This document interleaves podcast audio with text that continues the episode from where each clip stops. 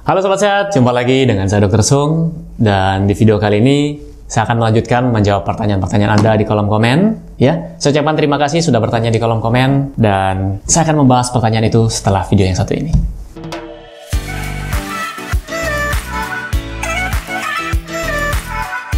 Oke Sobat Sehat, sebelum saya mulai videonya, saya mau menginfokan buat Anda semua yang sedang mencari produk-produk yang mendukung gaya hidup sehat, Anda bisa kunjungi boxsehat.com. Jadi di sana menyediakan produk-produk, uh, berbagai macam produk yang mendukung gaya hidup sehat, seperti suplemen, herbal, dan lain sebagainya. Mungkin ada beberapa produk yang cocok buat Anda. Oke, tonton videonya. Kita mulai. Pertanyaan pertama dari Ketut Sudirka Prugemilang. Dok, mau tanya, kalau ada benjolan di bawah kulit dan di atas daging apakah berbahaya, Dok? Terima kasih. Oke, saya tidak bisa menjawab pertanyaan Anda ini berbahaya atau tidak berbahaya. Saran saya adalah kunjungi dokter ya. Benjolan pada kulit atau kita sebut dengan tumor. Jadi tumor itu artinya benjolan. Bisa jinak, bisa ganas. Jadi tumor itu belum tentu ganas ya. Nah, bisa berupa misalnya Salah satunya adalah lipom. Nah, lipom ini berisikan lemak. Nah, kalau ini termasuk tumor jinak. Nanti tergantung dari ukurannya. Kemudian, jadi kalau ada tumor, biasanya dokter akan memeriksa yang pertama, apakah kulit ini di atas kulitnya masih baik atau sudah mulai mengkeret kayak kulit ceruk. Kemudian, lokasinya juga di mana, ukurannya berapa, diameternya berapa. Kemudian ada tanda-tanda radang atau tidak. Nah, kalau seperti ini Anda harus konsultasikan ke dokter, harus ada pemeriksaan fisik. Jadi tidak bisa cuma lihat begini, oh ini berbahaya, oh ini tidak berbahaya. Jadi kita dokter bukan dukun, kita tidak bisa melihat kulit Anda seperti apa. Kemudian ada juga yang lain seperti TB pada kulit, itu juga bisa. Kemudian bisa mungkin tanda awal dari cancer, jadi saya tidak tahu ya. Jadi saran saya adalah kunjungi dokter. Oke, okay, next.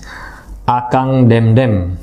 Ini pertanyaannya, salam dok, Salam balik. Kalau aku sering sakit kepala sebelah, apa itu gejala dan efek samping dari apa dok? Sakit kepala sebelah, ya migrain ya biasanya. Uh, efek samping dari apa? Saya tidak tahu. Jadi saranku adalah periksakan diri Anda ke dokter. Umur berapa juga saya tidak tahu. Kemudian uh, sehari-hari Anda aktivitasnya apa, kerjaannya apa, apakah sering di depan komputer atau tidak. Jadi informasi ini sangat terbatas. Jadi saran saya adalah kunjungi dokter. Lalu ada pertanyaan dari Firman Lodia Risandi. Dok, bagaimana caranya mengatasi anemia atau kekurangan sel darah merah? Jadi, ya, anemia ini kekurangan zat hemoglobin, ya. Kalau anemia, zat hemoglobin yang kurang, berarti Anda harus mengisi, terutama dari asupan nutrisi. Kalau kita bilang hemoglobin dibagi dua ya, ada heme ada globin, ada zat besi, ada protein di sana. Jadi mungkin makanan Anda sehari-hari kekurangan zat-zat gizi tersebut. Zat besi Anda bisa dapatkan dari sayuran hijau, kemudian dari daging, dari hati juga. Protein, ya saya sering bolak-balik cerita sumber protein itu banyak sekali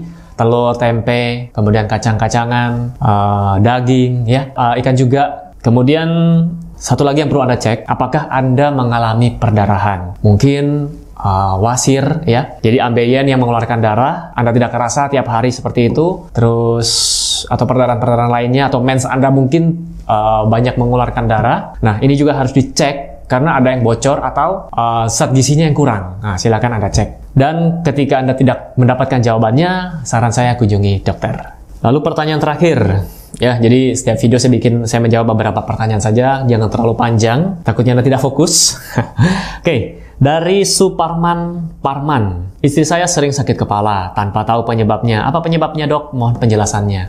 Wah, saya tidak tahu istri Anda usia berapa, pekerjaannya apa, aktivitasnya apa, masalah yang sering dihadapi apa, atau mungkin ada anemia atau tidak. Saya sudah pernah bahas 6 penyebab sakit kepala dan ada bahas video keduanya lagi, ada saya upgrade lagi, update lagi untuk uh, penyebab sakit kepala. Silakan ditonton apakah salah satu dari situ. Karena banyak faktor untuk bisa menyebabkan sakit kepala, kurang tidur, kurang istirahat, terlalu lama di depan komputer. Uh, mungkin kalau zaman dulu tidak ada gadget ya, tidak ada gadget seperti ini, Anda kurang berhubungan dengan gadget. Kalau sekarang dengan ada gadget begini kerjaan dari sini bisa 6 sampai 8 jam main ya itu juga bisa menyebabkan sakit kepala. Kemudian kurang minum air, tanda awal dari gejala stroke atau apa pun. Uh, silahkan cek lagi di video saya, pelajari lagi, dan kalau tidak ketemu, kunjungi dokter. Mungkin itu saja informasi yang bisa saya berikan pada video kali ini, dan saya doakan Anda semua tetap sehat. Sebentar lagi kita masuk, kayaknya ini sudah masuk mulai uh, hujan ya, musim hujan. Uh, sebaiknya Anda konsumsi makanan bergizi, istirahat yang cukup, ya, karena perubahan musim biasanya diikuti juga dengan muncul banyak gejala penyakit. Oke, seperti biasa, buat Anda yang suka dengan video ini, silahkan komen di bawah, like, dan share pada teman-teman Anda. Dan yang belum subscribe, silahkan di subscribe. Sampai jumpa di video saya selanjutnya. Salam hebat, luar biasa.